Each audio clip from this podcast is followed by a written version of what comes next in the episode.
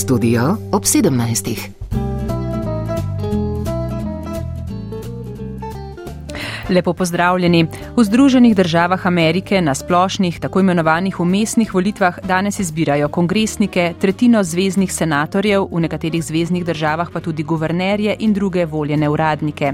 Demokrati predsednika Joea Bidna branijo vsaj doslej zagotovljene sedeže, saj jim kljub svarilom, da v novični republikanski pohod na oblast predstavlja grožnjo ameriški demokraciji, ne kaže najbolje. Če bodo demokrati izgubili tesno večino v kongresu, bo to slaba novica za predsednika predsednika na polovici mandata. Prvi izidi bodo znani danes po noči.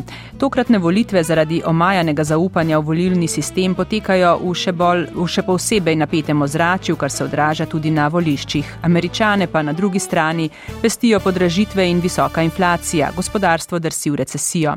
O vsem tem bomo v tej uri govorili z gosti v odaji, vašingtonskim dopisnikom Andrejem Stoparjem, kolegom in nekdanjim dopisnikom iz New Yorka Edwardom Žitnikom in politologom Blažem Vrečkom Ilcem z Fakultete za družbene vede. Vodila bom Sandra Krišelj. Dobar dan želim. Dobar dan. Dobar dan. Andrej, se slišimo? In dober dan, in dober dan tudi z druge strani Atlantika, tako je. Pozdravljen. Andrej, na tokratnih umestnih volitvah ne volijo predsednika Združenih držav Amerike, ampak občutek je, da so vendarle bolj pomembne, nekako drugačne od tistih v preteklosti, v smislu, da gre za vprašanje zaupanja američanov v volivni proces, ki se vleče vse od predsedniških volitev pred dvema letoma zaradi obtožb Donalda Trumpa o ukradeni zmagi, kot da gre na nek način še vedno za Bidena ali Trumpa. Kako se vse to odraža na uh, volilno ozračje in kaj se dogaja na voliščih? No, seveda, um, zato pa so umestne volitve, ne, ker niso predsedniške. In uh, če se lahko samo za trenutek naslonim na tvoje uvodne besede, Sandra, um, um, seveda ne more, ne more biti dobra novica za, za predsednika, uh, da njegova stranka ne obdrži večine, ampak to je pravzaprav um, skoraj tradicionalno v ameriški volivni, um, na vol, ameriški volivni sceni, kajti uh, Zelo pogosto namreč voljivci eh, nagradijo stranko, ki na predsedniških volitvah ni, katere kandidat ni zmagal. Tako da um, to dvakrat bi bil presenečen Biden, če bi ga um, tokrat izidi presenetili, če bodo takšni, kakršni, kakršne napovedujejo javnomnenjske raziskave. In javnomnenjske raziskave so na koncu seveda dale neko prednost uh, republikancem. Kaj zadeva ozračje, to, o čemer sem zdaj govoril, seveda je nek način odraz ozračja, tako na voliščih, kot sicer v, v Ameriki, kajti Amerika je polarizirana država z izjemno razgreto politično sceno, z zelo diametralno nasprotujočimi si stališči in seveda to je država nenehnih razprav. In tako da, kar zadeva sama, sam volivni proces danes, se mi zdi, da je zaskrbljujoče dejstvo, da je prvič predvsej uh, volivnih uradnikov, torej ljudi, ki so profesionalno spremljali oziroma izvajali uh, proces volitev, um, zamenjalo službe, dalo odpoved, odšlo. Udali so se pravzaprav pritiskom na nje in tudi zdaj, uh, če spremljamo ameriške medije, precej opozarjajo na to, da, da so volišča izpostavljena in da prihaja do grožen pritiskov in tako naprej na volivne uradnike. To je pomembna stvar, In glede na to, da je zaupanje v proces volitev tako zelo omajano, je seveda še dodatna težava, če ta proces vodijo ljudje z manj izkušnjami ali celo z nekimi popolnoma pristransko oblikovanimi uh, stališči, glede objektivno, um, pravzaprav čisto tehničnega, tehničnega postopka. Tako da tukaj je ogromno vprašanj, na katera seveda bodo pozorni američani danes. Eh, je pa težko seveda govoriti o nekem živahnem dogajanju na voliščih, kajti tukaj je pravzaprav še jutro in um, volilo se bo še kar nekaj časa potem, ko bo, ko bo se v Sloveniji šli spat. Mhm. No, Edvard, eh, predčasnih volitev pa se je udeležilo že rekordnih 41 milijonov voljivcev, mislim, da jim pred dvema letoma na predsedniških volitvah je šla ta visoka udeležba na predčasnih volitvah v korist demokratom. Bo tokrat drugače? Ja, lahko bo, šl, bo tokrat drugače, vendar v načelu je tako, da dobra udeležba vedno koristi eh, demokratom, kajti eh, tudi v Združenih državah so republikanski voljivci bolj eh, disciplinirani in seveda v če je nizka udeležba, je njihov delež potem pri samem glasovanju večji. Če se lahko morda z nekaj besedami vrnem na to, kar je povedal kolega Andrej Stopar, resnično je velika večina analiz napoveduje dobre rezultate za republikansko stranko. In seveda eh, zanimivo je to, da celo tisti, ki eh, so demokratom naklonjeni, menijo, da bi bila zmaga za demokrate, če eh, ohranijo senat, kar pomeni, da bi izgubili predstavniški dom. Zmaga za republikance pa bi bila, če bi zmagali v senatu, če bi dobili senat in eh, predstavniški dom. Torej, že v načelu se vse analize nagibajo k temu, da sveda bodo republikanci dobili eh, tokrat eh, boljši rezultat, vendar kljub vsemu bi opozoril, da volitve so že ni, nič koliko krat eh, pokazale, da seveda se lahko pri uh, analizah, pri anketah uh, zelo, zelo motimo in seveda najbolj se spominjamo na povedi zmage Hillary Clinton in seveda močno je porazil takrat Donald Trump. Tako da kljub vsemu bi bil previden, razlike niso tako velike, še posebej, ko gre za senat uh, in zaradi tega bi bil glede samozavestnega napovedovanja rezultatov, kljub vsemu uh, previden, recimo temu. Uh ja, gospod Blaž Vrečko Ilc. Uh, Velja sicer, da, bo, da so umestne volitve kazalnik, kako so ameriški voljivci zadovoljni s predsednikom in kot je že Andrej v začetku rekel, eh, da seveda ni redko, da stranka aktualnega predsednika na umestnih volitvah izgubi večino. Pa vendar, kaj je šlo na robe po vašem, zakaj so se voljivci, kot kažejo, torej javno mnenjske ankete, nagnili k republikancem?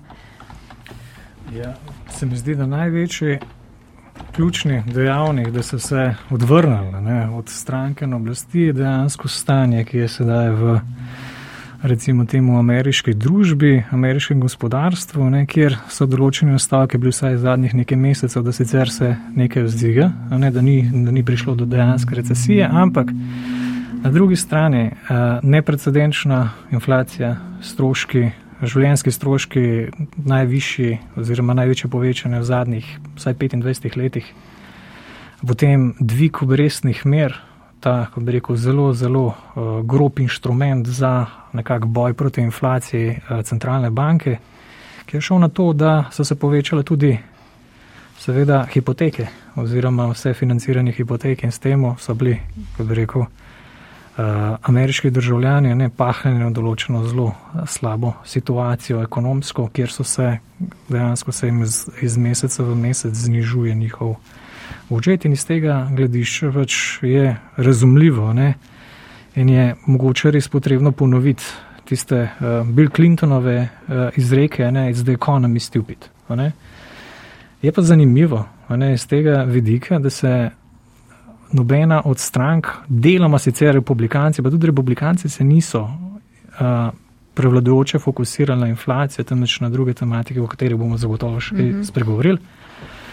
Na drugi strani so se pa demokrati nekako izogibali ne, naslavljanja tematike inflacije oziroma nekako posredovanja uh, voljivcem oziroma potencijalnim voljivcem, kaj bodo naredili za, kako bi rekel, uh, navadne ameriške državljane v tem okviru. Mhm. Ja, še Edward.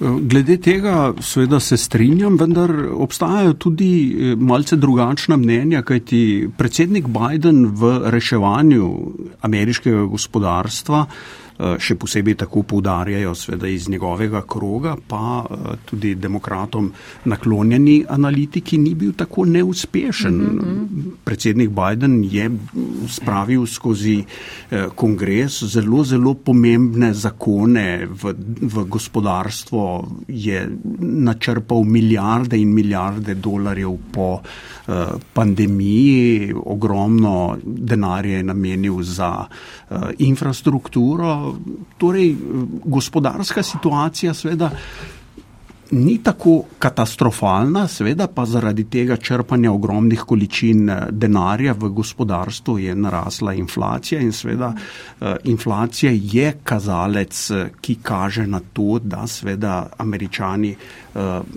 niso najbolj zadovoljni s trenutno gospodarsko situacijo. Vemo, da za inflacijo se ve, da je to prikriti davek, ki prizadene vse. Vendar na drugi strani obstajajo tudi mnenja, da morda ne gre samo za, kot je rekel kolega, eh, znamenito eh, izjavo Billa Clintona, da gre pač za eh, ekonomijo, da pač američani volijo z svojo denarnico, ampak tudi za velike ideološke teme, ki so zelo, zelo razdvojile američane. In tukaj morda so tudi eh, demokrati naredili kakšno, eh, recimo temu morda taktično napako pri velikih kot pravim, ideoloških temah, o uh, vprašanju demokracije, ogroženosti demokracije, o uh, nevarnosti Donalda Trumpa.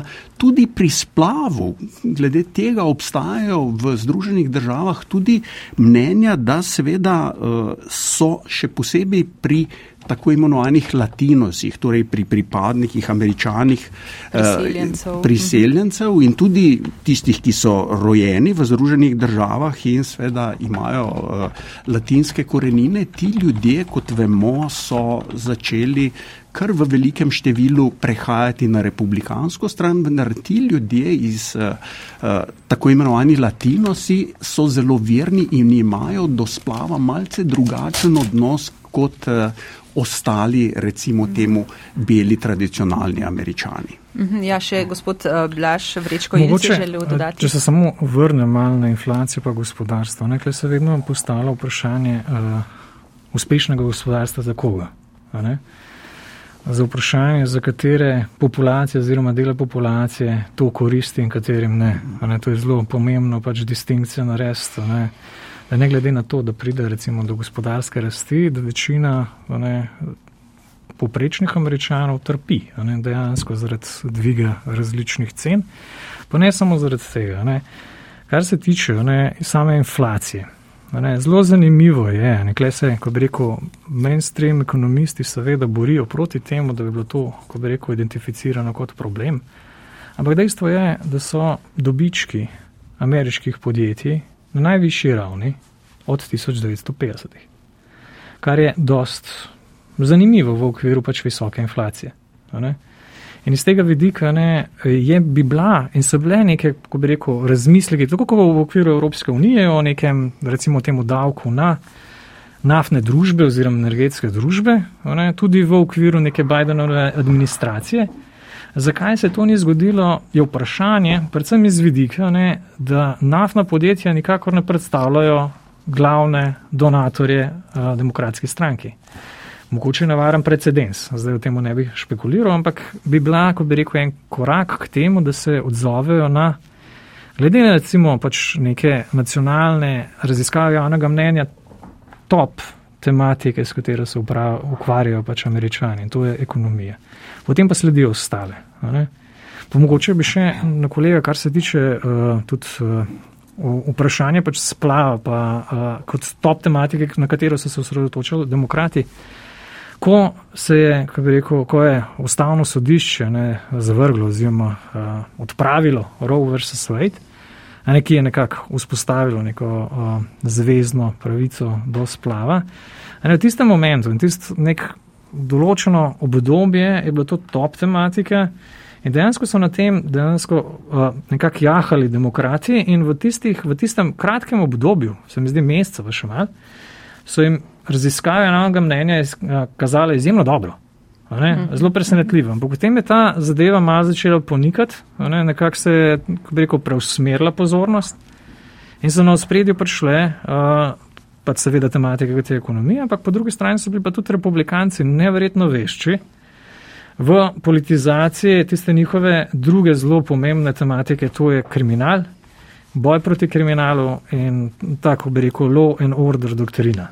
Tako da tudi iz tega vidika, ne, ki seveda, veste, nekako prehaja ne, čez celoten nek sreden razred, sreden in višji razred, ne, ne glede na določeno etnično pa rasno ozadje. Ne.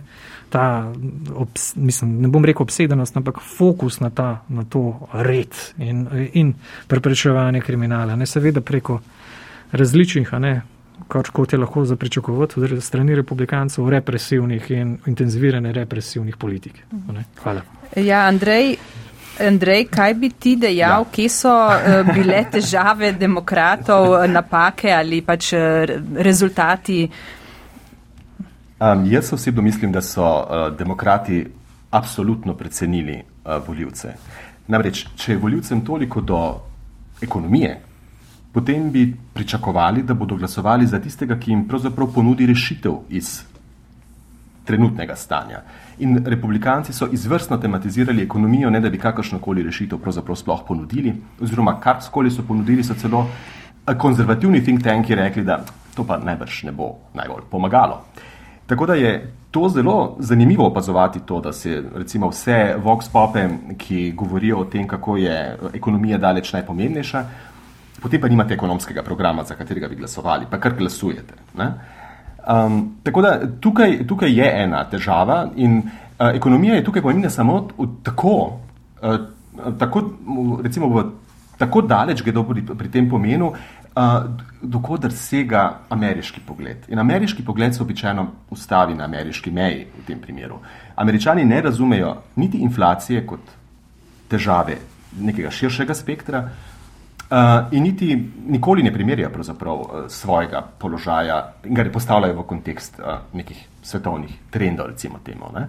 Um, tu, enako velja za, za um, industrijo fosilnih goriv. Uh, tukaj predsednik Biden dejansko um, z bokom podre to, kar na drugi strani zgradi, um, kajti zelo je predan zelenim virom energije in verjetno ni najbolje, da v istem govoru um, pridiga uh, naftni industriji, da pač je treba več črpati, se tudi to možnost dejansko imajo.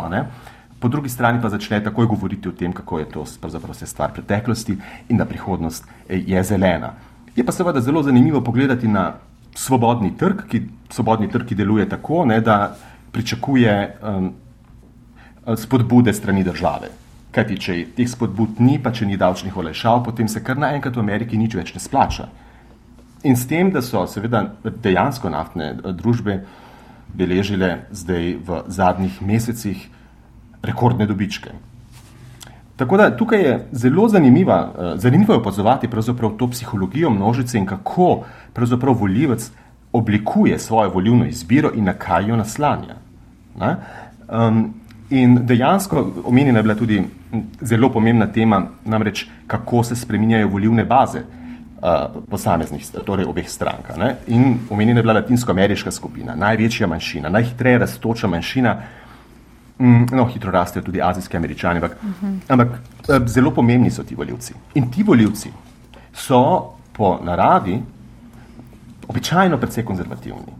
Ja, kot je omenil kolega Edward, glede splava, pa tudi splošno njihov, uh, njihov življenjski nadzor se lažje vklaplja v konzervativnega in silno ga v to, baz, v to stran potiska tudi izdatna tematizacija komunizma in nevarnosti komunizma. Namreč za republikance so vsi drugi v Ameriki komunisti in radikalni levičari. Tako da, tako da to seveda vpliva na te spremembe in tukaj vidimo in mislim, da tudi jaz se strinjam, da je treba izjemno previdno napovedovati, kaj se bo zgodilo na volitvah, ampak tukaj lepo vidimo, da, da, se je, da, se, da, da je do te spremembe prišlo in da so zadnja leta latinsko-američani uh, več zaupanja ali pa vedno večjem številu uh, zaupali republikancem. Uh mhm. -huh. Edvard je želel nekaj dodati. Mislim, da bi morali, ko govorimo o tem, imam občutek, da se več ali manj vsi strinjamo, da obstaja relativno dobra možnost, da bodo republikanci zadovoljni z iz, izidom eh, umestnih volitev, da moramo o vzrokih za to, zakaj je prišlo do tega preobrata, spregovoriti tudi o ameriškem predsedniku. V Ameriki je pač tako kot v filmih. Za, tako kot je v filmu režiser kriv za vse dobro, je v Ameriki predsednik kriv za vse dobro in slabo. In seveda tukaj uh, imamo uh, prvega človeka demokratske stranke, uh, predsednika države, ki je v predsedniškem sistemu in seveda vemo, kako je pomemben, uh, da ne naštevam naprej, in to je Joseph Biden. In seveda Joseph Biden. Jaz se ga spominjam iz 30 let. Joseph Biden bi bil pred 30 leti, ko je prvič kandidiral za ameriškega predsednika, morda JF Kennedy. Bil je velika, velika zvezda. Vsi vemo, da je njegova govorica telesa, recimo temu, danes popolnoma drugačna.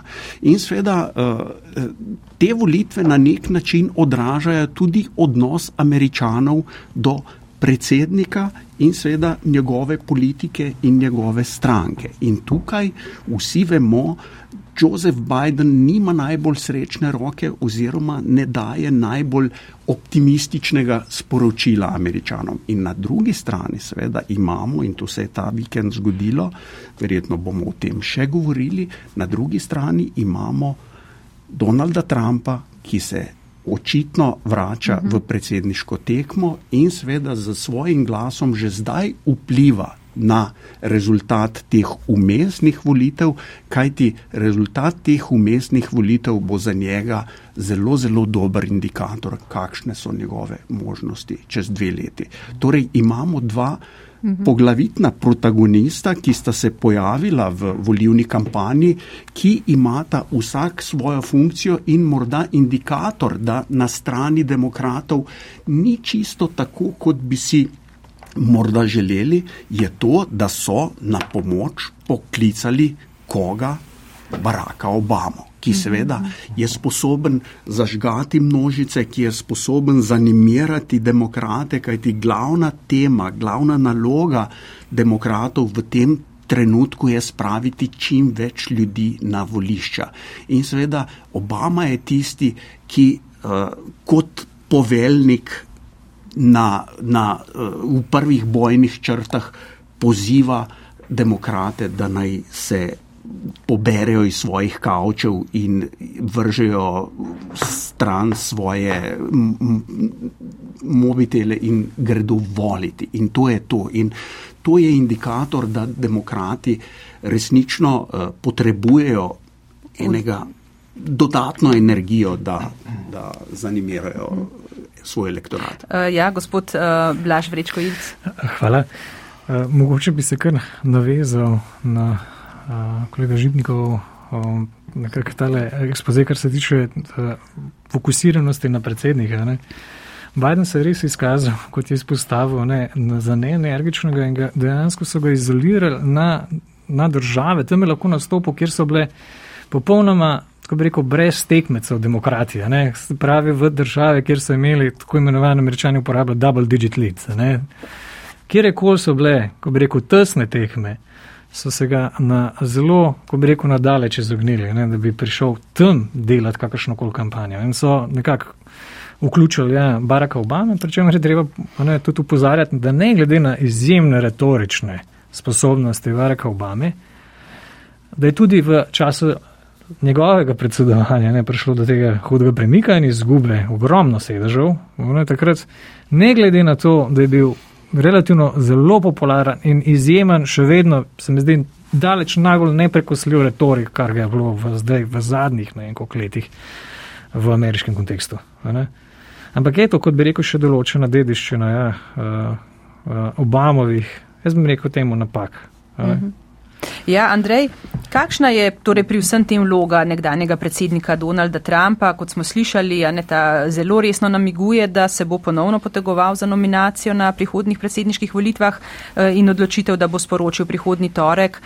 Ali v primeru današnje, eh, današnjega dobrega rezultata republikancev, torej zmage, kakšne ima možnosti? Kaj meniš, je to no, že kar uh, napoved, da se bo vrnil v, v tekmo? No, to bo povedal Donald Trump sam. A se bo vrnil ali se ne bo. Eh, zdaj veliko namigujejo, da bi to naj storil že prihodnji teden in mhm. uradno uh, v ponedeljek uh, uh, razglasil kampanjo, ampak počakajmo, bomo videli, kako bo.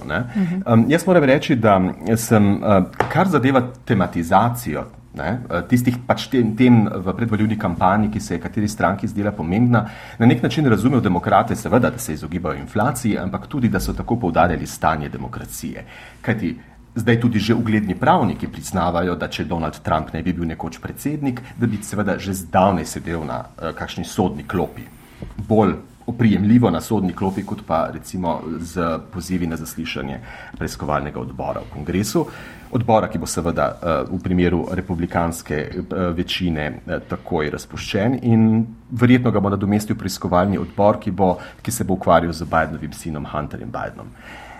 Tako da tukaj je seveda veliko vprašanje, kak, mislim, zdi se mi, da če se je v državi zgodilo to, kar se je v Ameriki zgodilo s kapitolsko vstajo in že s celotnim Trumpovim mandatom in načinom, kako, so, kako je oblast prehajala od ene na drugo administracijo. Mm, to so tako pomembne vprašanja, da se je seveda verjetno demokratskim strategom zdelo dovolj logično, da, da tematizirajo to, kar je tako zelo očitno.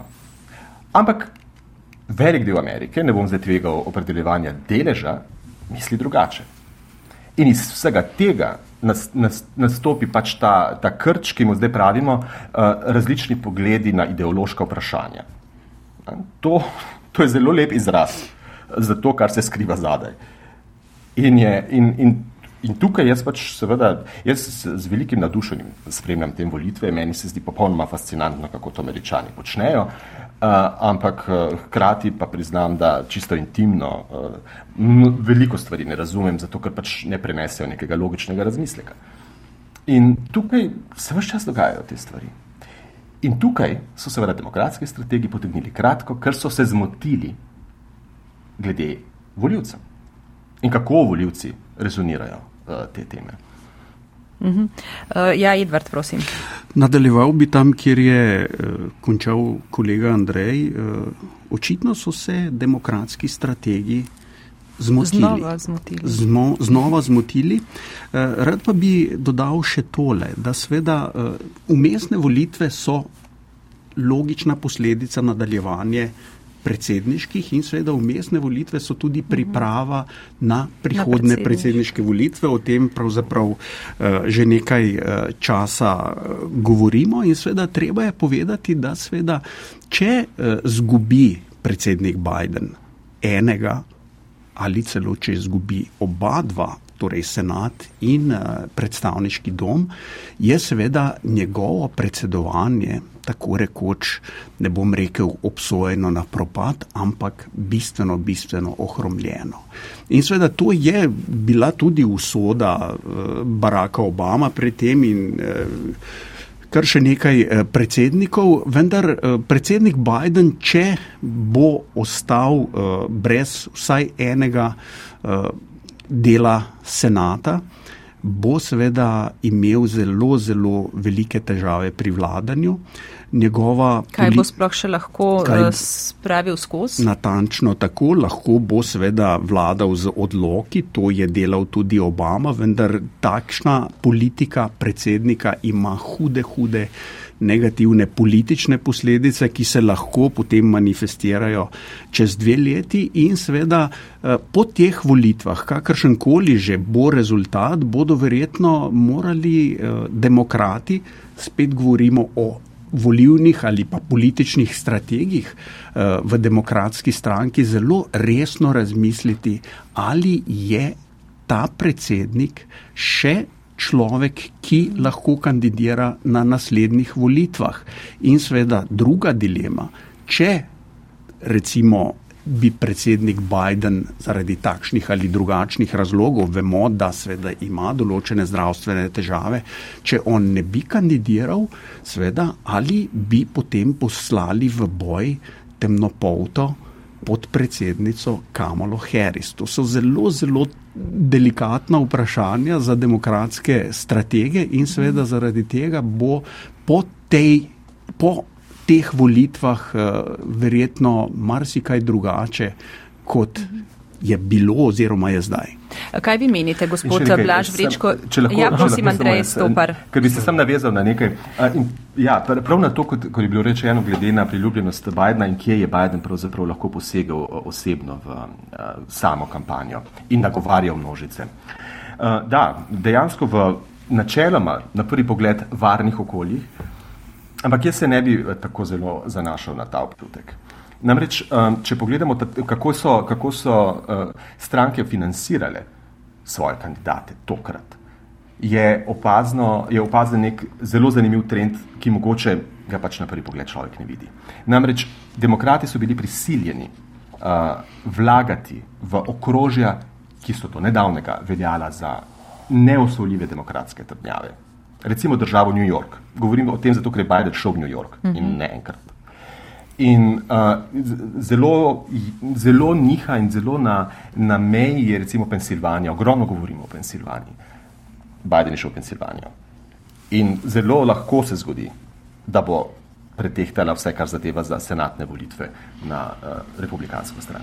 Tako da, tako da hočem reči, demokrati se bodo tukaj pač morali soočiti z neko kruto resnico, da verjetno niso več na potezi in da bo treba zelo, zelo veliko stvari spremeniti, da bodo enkrat v prihodnje na potezo morda spet prišli. Mm, kajti, um, kajti zdaj morajo braniti uh, svoje pozicije v okoljih, kot je Nova Anglija, New England, ki je popolnoma modr desetletja. Tako da, tako da tukaj ne, se tudi vidi, da so republikanci lahko investirali v tiste kongresne sedeže, uh, ki so, kjer, za katere v preteklosti, nedavno tega, nikoli ne bi, ker bi bilo to za njih izguba denarja. Napačen vložek. Zdaj pa to počnejo, recimo Oregon je eden takšnih primerov. Mm, tako da, tako da tukaj, tukaj vidimo um, neke zanimive premike no, na politični sceni. Ja, uh, gospod Blaž Vrečko Ilc, ali vi tudi menite, da, se, da se bo moral Biden v primeru poraza demokratov umakniti iz bitke za ponovno predsedniško kandidaturo?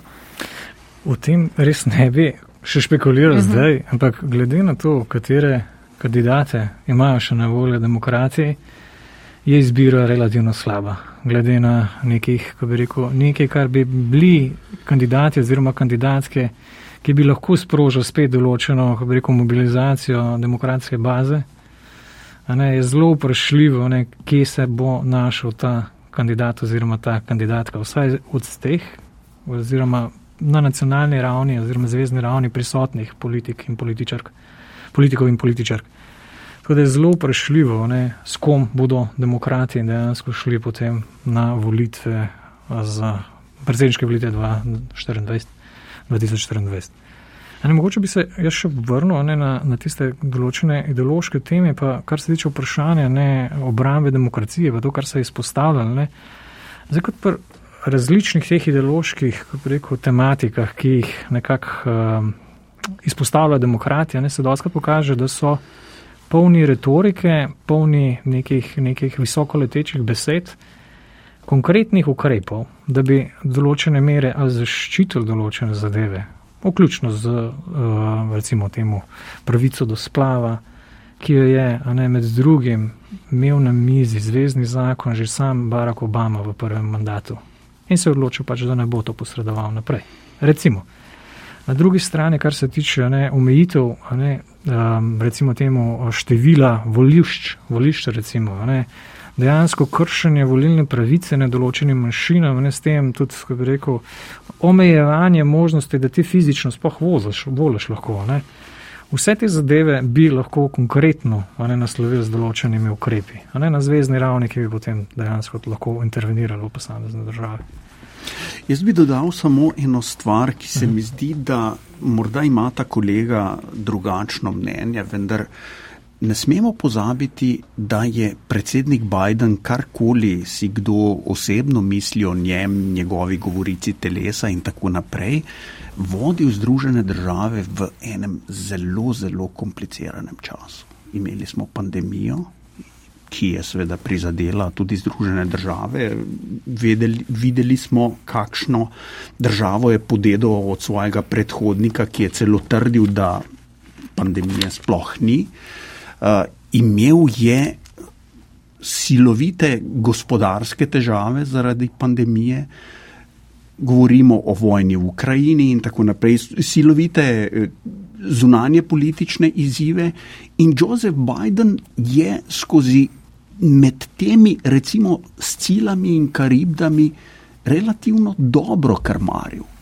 Težko si zamišljam, kaj bi lahko bila bistveno drugačna, bistveno boljša politika v situaciji, v kakršni se je znašla država in v kakršni se je znašel svet. In na drugi strani razmišljam, kakšna, kakšne bi bile Združene države Amerike, kako bi se na to vrstne zgodovinske izzive. Od, od, kako bi reagiral na nje predsednik Trump. In zdi se mi, da uh, bi bila Trumpova politika v tem primeru bistveno, bistveno drugačna in seveda ne vem, če bi bili rezultati ravno taki, kot jih imamo zdaj. Predvsem nepredvidljiva. Ja, Andrej, uh, ja, no, tukaj, prosim. Tukaj, tukaj bom rahlo razočaral, mogoče kolega Edvarda, namreč se popolnoma strinjam z njim in mogoče bi, mogoče bi šel celo malce dlje in rekel, da je pravzaprav Biden to je pa tragedija tega trenutka, dober predsednik, glede na seveda okoliščine, v katerih pač svoj mandat pelje. In seveda je veliko večje vprašanje za ameriškega voljivca, kaj pravzaprav, kako oni dojemajo situacijo, če imajo pa na izbiro dva politika, na eni strani človeka kot je Biden in na drugi strani človeka kot je Donald Trump. Mislim, to verjetno za državo res ne more biti uh, projekcija svetle prihodnosti. Ne vem. Ampak Biden svoje delo, glede na to, da je uh, zelo v letih, da je njegovo zdravje uh, krhko in da, se, seveda, in da ima proti sebi uh, tudi tako močno, uh, močne sfere, kot so recimo republikanski mediji, ki pač seveda iščejo vsako njegovo napako, pa besedni zdrs, pa ne vem kaj vse, um, potem je seveda zelo težko vladati in zelo težko imeti dobro podobo v javnosti. In seveda je tragedija Bidna, da je naredil sicer tudi veliko napak, ampak veliko dobrih potez, morda celo veliko edino mogočih potez v določeni situaciji, ampak izpade pa kot um, takšen nekarizmatičen in premiren in pretih in takšen voditelj, čeprav pravzaprav to niti ni. Ampak to vlogo ga potiskajo okoliščine. In tukaj, se, tukaj je res nenavadno eh, gledati na to oblikovanje javnega mnenja in javne podpore uh, Bidenu, ker za toliko dobrih stvari, kot jih je nekdo naredil, to javno mnenje nekako ni ustrezno. Čeprav seveda jaz ne hvalim Bidna in nisem na njegovi, ne, njegovem pulu, ampak to je en tak pogled strani, ki, ki se mi zdi, da je dost, precej stvaren. Ker se tukaj nihče ne prisoja nobenih dejanskih potez, ampak vsi govorijo o, eni, o, o, o enih drugih stvarih zmeraj. Recimo, popolnoma se strinjam, demokrati niso uh, izpeljali zakonskih projektov, ki bi jih morda lahko. Ampak veliko vprašanje je, zakaj jih niso izpeljali. Zato, ker se je predsednik odločil, da raje tega ne bi. Mogoče, ampak odločil se je zmeraj na podlagi nekih dejstev.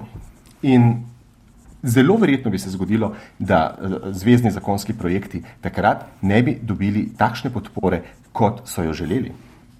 Zato, ker se tudi stranka, kot, demokratska, kot je demokratska stranka, še zmeraj, torej stranka frakcij in različnih pogledov, ne bi mogla dogovoriti. Poglejte, kaj se je zdaj zgodilo na koncu s tem nesrečnim pismom glede uh, Ukrajine, uh, progresivističnega krila uh, demokratske stranke legitimno sicer pismo, popolnoma, ampak v javnosti je prišlo kot v zelo napačnem času in na kar je vodja krila eh, celo se skušala izviti, da je prišlo v javnost eh, kot napaka, da nespretnost. Tako se pred volitvami resna stranka ne more obnašati. Eh, pa če se še malo vrnemo do vprašanja pravice do splava, um, v zvezi s tem so danes, eh, danes potekajo eh, tudi ponekod referendumi v nekaterih zvezdnih državah. Um, torej, Kako je to vprašanje um, po tvojem odmevalo v, v javnosti, v predvolilni kampanji? Koliko, je, koliko lahko po, po, po tvoje vpliva na volilni rezultat? Glede na to, da so si demokrati uh, obetali od tega, um, nekako, da se bo jeziček, pred, uh, da bo pretehtal na njihovo stran. To je vprašanje za me. Uh, Andreja. Ja, ja, uh, to vprašanje bo vplivalo. -hmm. To je vprašanje visoko kotira. Ne? Ni to zdaj tista popolnoma zgrešena uh, strategija, uh, uh, ampak, ampak ne kotira pač tako visoko kot ekonomija. In še zlasti ne more kotirati tako visoko v pogojih, v katerih zdaj ekonomija kotira visoko v ameriški družbi. Ko kotira visoko, brez odgovorov, kako naj bi bilo bolje. In um, to je pomembno vprašanje. In to je pomembno vprašanje tudi zaradi tega, ker so republikanci nekako se zdaj odločili in v kampanjo šli s predlogom zvezdnega zakona o popolni prepovedi splava. Povsod eh, po ZDA. Skratka, ne more biti, da ne bi voljivci odločali tudi o tem. Ja, Edward, da, um, prosim, kar zaključi. Ja, ne, ne, ne, ker izvoli. Dobro, potem pa Edward. Doba, do, dodal bi samo tole k Andreju, da sveda v politiki je zelo, zelo veliko stvari odvisno od tajminga, torej od pravega časa. In zdi se, da je vprašanje uh, splava bilo veliko bolj aktualno, morda se motim, dva meseca, tri mesece nazaj. In zadeva je enostavno, mislim, da je kolega že to omenil, zadeva se je enostavno izpeljala uspela od takrat, nadomestile so jo druge teme, ne na zadnje, prišla je velika tema inflacija.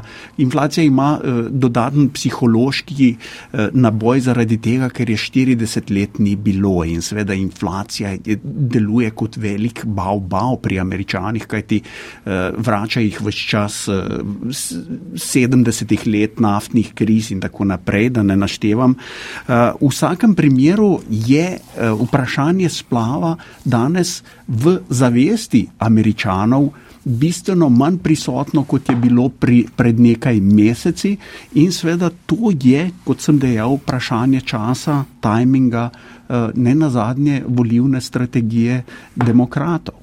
Ja.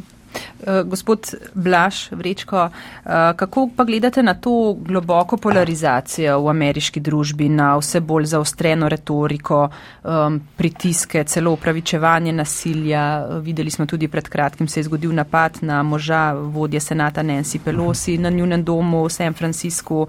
Um, menite, da so, kako upravičene so te grožnje Joea Bidna, da je ogrožena, torej celo demokracija v Združenih državah, če eh, se bodo republikanci vrnili na oblast.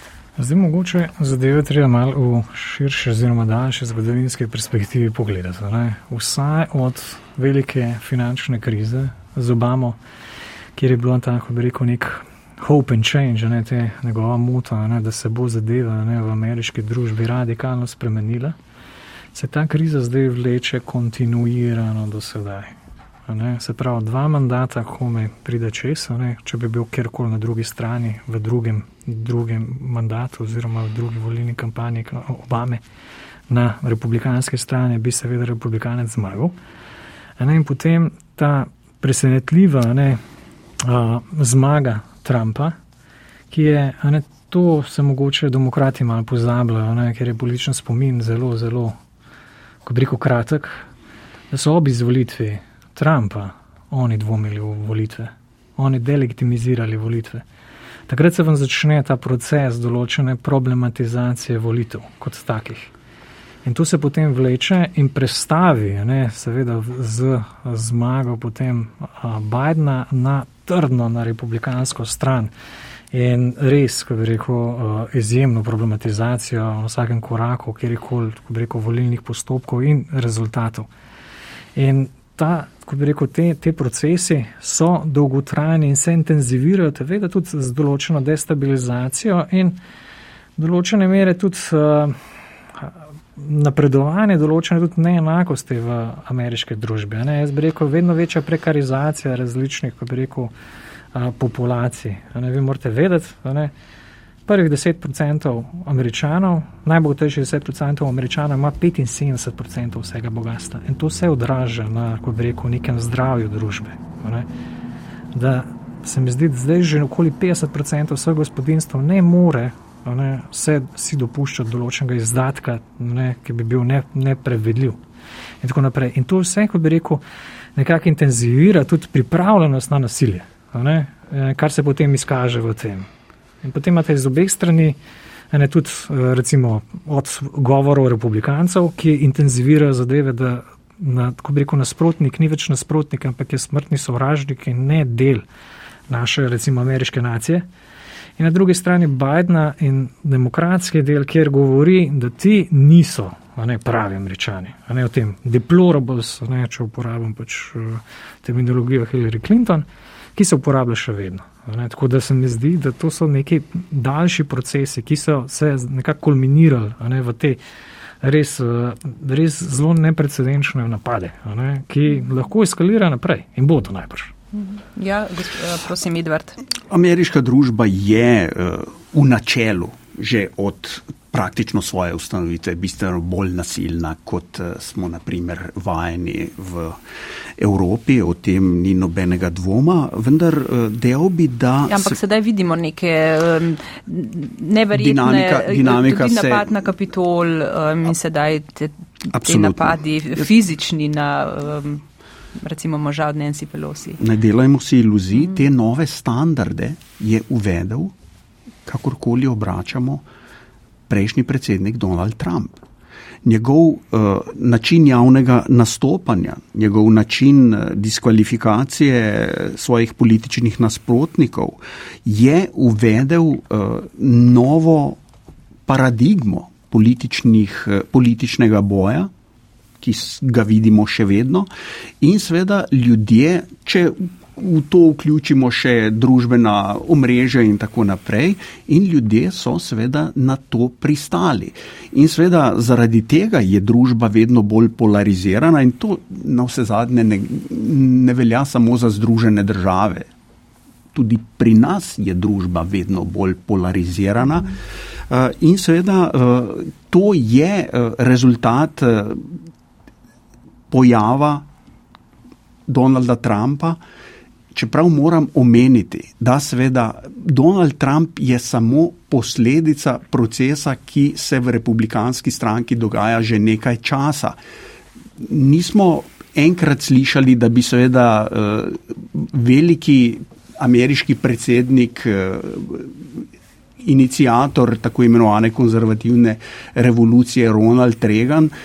Ronalda Reagana bi danes tako rekoč skoraj vrgli iz republikanske stranke, ker bi bil preveč uh, levi, ker ne bi ustrezal njenim ideološkim pogledom in verjetno bi ga sprejeli v demokratsko stranko.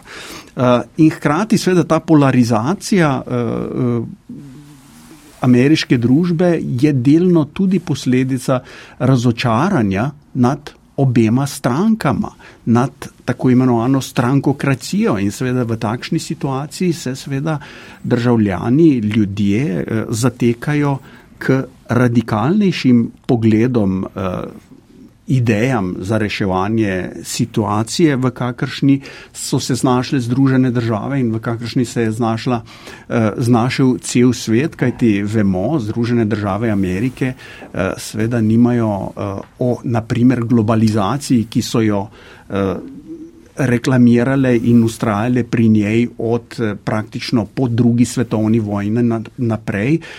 O globalizaciji imajo popolnoma drugačno mnenje, kot so ga imele nekoč in seveda uh, zaradi tega seveda terjajo tudi drugačne odgovore na ta vprašanja, ki pa jih obe dve stranki nista sposobni dati. Uh -huh. E, še gospod Blaž Vričko. Če bi tukaj še, še dodal določene transformacije, ne, ki so bile neposredno povezane tudi z določeno legitimacijo ne, v nekih, uh, nekih praks, ne, ki do tedaj, oziroma vsaj do tistega obdobja, niso bile sprejete kot nekako možne v okviru neke liberalne demokracije, ne, kjer te varujejo določene oziroma si obdarjen z določenimi pravicami. Tu je govorim predvsem o predsedništvu uh, Georgea Busha mlajšega, z 2001 in napadom na dvojčke in potem tudi razvojem teh različnih praks in različnih, ko bi rekel, legitimiran tako sistemskega nasilja, ne, ki je, ko bi rekel, nasilje spet trdno postavil v okvir ne, ameriške družbe, tako v okviru njenega delovanja na vznotar kot na vzven, ne, kjer se je legitimiral določene. In ti tudi v končni fazi, vsi ti, ki so bili odgovorni, ne, za kršenje ne, nekih res civilizacijskih norm, bi lahko rekel, niso bili nikoli kaznovani. Še več. Zdaj se recimo George Bush mlajši še rehabilitira. Ne, v tem smislu, da pa ni bil tako problematičen. Ne glede na to, da je spravil Ameriko v dve katastrofalni vojni, ne, iz katere se je iz ene od teh, ne, najdaljša vojna, ki je bila ne, ameriška vodena, se je Biden in to mu tudi to ko bi rekel, mu je začestitati, umik iz Afganistana, ne glede na kako je to upravil, ne, kako je bo to izveden. A to je en, ko bi rekel, vrhuncev, vsaj kar se, kar se meni tiče pač njegovega predsedovanja, ki pa je seveda, ne, bo pa sigurno, če zdaj izgubi in kar kaže, bo izgubil vsaj predstavniški dom, bo deležen ravno komisije oziroma za preiskovanje prav tega. Ne. Se pravi, da bo mogoče zaradi te dobre geste lahko tudi, bi rekel, predmet ne, kritične preiskave. -huh. Republikanske stranke. Uh -huh. okay, sem to sem hotel še. Ja, Andrej, um, zdaj v zadnjem času si se veliko ti ukvarjal tudi z vprašanjem uh, rasizma in migracijami. Um, tudi migracije morda so bile teme kampanje um, oziroma ali veliko si tudi potoval okrog po Združenih državah, um, ali opaziti tudi več nestrpnosti morda do priseljencev. Um, vemo, da so jih tudi uh, z, so z Združene države uh, beležile, uh, beležijo povečano število priseljencev v zadnjem času in so jih z avtobusi prevažali po državi. Kaj je, kaj je težava v tem? Čeprav potrebujejo na drugi strani um, delovno silo, seveda priseljence. Ne, ne, tukaj smo, tukaj smo malo zdaj pomešali različne, različne ravni te problematike. -huh. Govorimo o teh, ki jih prevažajo že z avtobusi in celo z letali, kot so se izvrstno domislili na Floridi. Mm, eh, ti so azilanti, torej prosilci za azil. Mhm. Torej, ljudje, ki niso uh, prestopili meje v skladu s kakšnim delovnim dovoljenjem ali vizom ali kaj takega. Um, to vprašanje je izjemno, izjemno uh, uh, izkoriščeno v javnem prostoru in zelo zanimivo je, da poleg tistih držav, ki imajo objektivno težavo s tem, zato ker pač so na meji, torej Teksas, recimo Arizona. O Kaliforniji se manj govori, recimo v tem, v tem pogledu. Mm, so izjemno zaskrbljeni zaradi uh, poplave ilegalcev, kot temu pravijo, v državah, ki sploh niso na meji. Konzervativne države, podeželje konzervativnih držav, uh, ki niso na meji, je najbolj zaskrbljeno zaradi nelegalnih priseljencev. In to zaradi tega, ker so jim seveda ta problem na tak način predstavili. Če smo pregovorili, da kakšnega projekta ne, bi morda lahko spravili skozi zakonodajni postopek, pa ga niso, prav gotovo niso spravili demokrati skozi zakonodajni postopek reforme uh, priseljenske zakonodaje. Prav gotovo. In to bo en velik minus, zato ker, zato ker to Amerika potrebuje. Težava seveda je velika, če vam na tisoče, deset tisoče ljudi prihaja na mejo, pa pravzaprav ne izpolnjujejo kriterijev uh, za, za prestop in potem se sklicujejo na prošnjo za azil. Težko je presojati, je ta prošnja zdaj upravičljiva, ni, zato temu je namenjen postopek. In ker ima pač tak Amerika tak postopek, da do takrat, dokler vprašanje ni rešeno, človek ne more delati, je seveda to težava za skupnost, v kateri ta človek pristane. Zato, ker ne more dobivati državne nobene podpore in potem stopijo vsi ti prostovoljci, pa crkvene občine eh, in tako naprej. In razna društva, ki so s tem namenom pravzaprav ustanovljena, ker, ker drugače človek tam ne preživi. Oziroma tam, tukaj, ne, v ZDA ne preživi mora se prebiti skozi vsaj pol leta, ampak običajno leto in več, brez dohodka. Na drugi strani pa seveda to, kar se omenila Sandra, povsem drži, potreba po delovni sili pa obstaja In zlasti potreba po delovni sili, recimo, če govorimo v večin, večinskem primeru za latinsko-američane, kar je tudi problem, problematično, ker so zelo različni, tukaj pa jih obravnavajo kot eno rasno skupino. Mm, prav v teh panogah vse čas potrebujejo delavce. Gradbeništvo, kmetijstvo in tako naprej. In seveda iz tega se nastane ena taka, taka jara kača nelogičnih obratov, s katerimi pa samo si, ljudi, si določeni politiki nabirajo politične točke. In to najbolj politiki, ki tako ne predstavljajo nobene rešitve, razen neprodušno zaprte meje. Hmm. In tako se z ljudmi preprosto ne dela. Ampak nekaj drugega, če lahko samo dodam, um, tudi k prejšnji razpravi nekaj zelo pomembnega. Je, kar Ampak Amerika samo v nekaj stavkih, ker se približujemo koncu. Da, zelo kratek zgodovinski spomin. V 60-ih letih so imeli identično situacijo, ko je, ko je uh, primaries za republikansko predsedniško nominacijo dobil Barry Goldwater. Enfant terrible, azo, uh, uh, uh, senator iz Arizone, s pomočjo tako skrajnih krogov, kot je John Birch Society same teorije zarote. Vse to se je Ameriki že zgodilo. Takrat je na volitvah potem seveda zmagal uh, Lyndon B. Johnson, demokrat, in Amerika se temu izognila. Pa tudi, če bi zmagal republikanec tako skrajnega, skrajnega pola, bi verjetno bilo drugače zaradi tega, ker ni bilo takšnih medijev. In jaz ne govorim več o mainstream in, in eh, konzervativnih medijih, ampak uh, klasičnih medijih, ampak o družabnih omrežjih te so naredile Donalda Trumpa. In te so dale odmejo vsem tem eh, populističnim prijemom, ki so pripeljali Ameriko in svet točno sem, kam so pripeljali. Bomo torej eh, točno na tej točki končali. Najlepša hvala vsem gostom za ta zanimiva pojasnila. Eh, to so bili Blaž Vrečko, Edvard Žitnik in Andrej Stopar. Za to je skrbel David Lap. Urednica je Erika Štular, vodila sem Sandra Krišelj. Jutrišnja sreda pa je eh, in bo v tem tednu še večkrat v terminu studija ob 17. rezervirana za predvolilno soočenje. Vabljeni k poslušanju še naprej.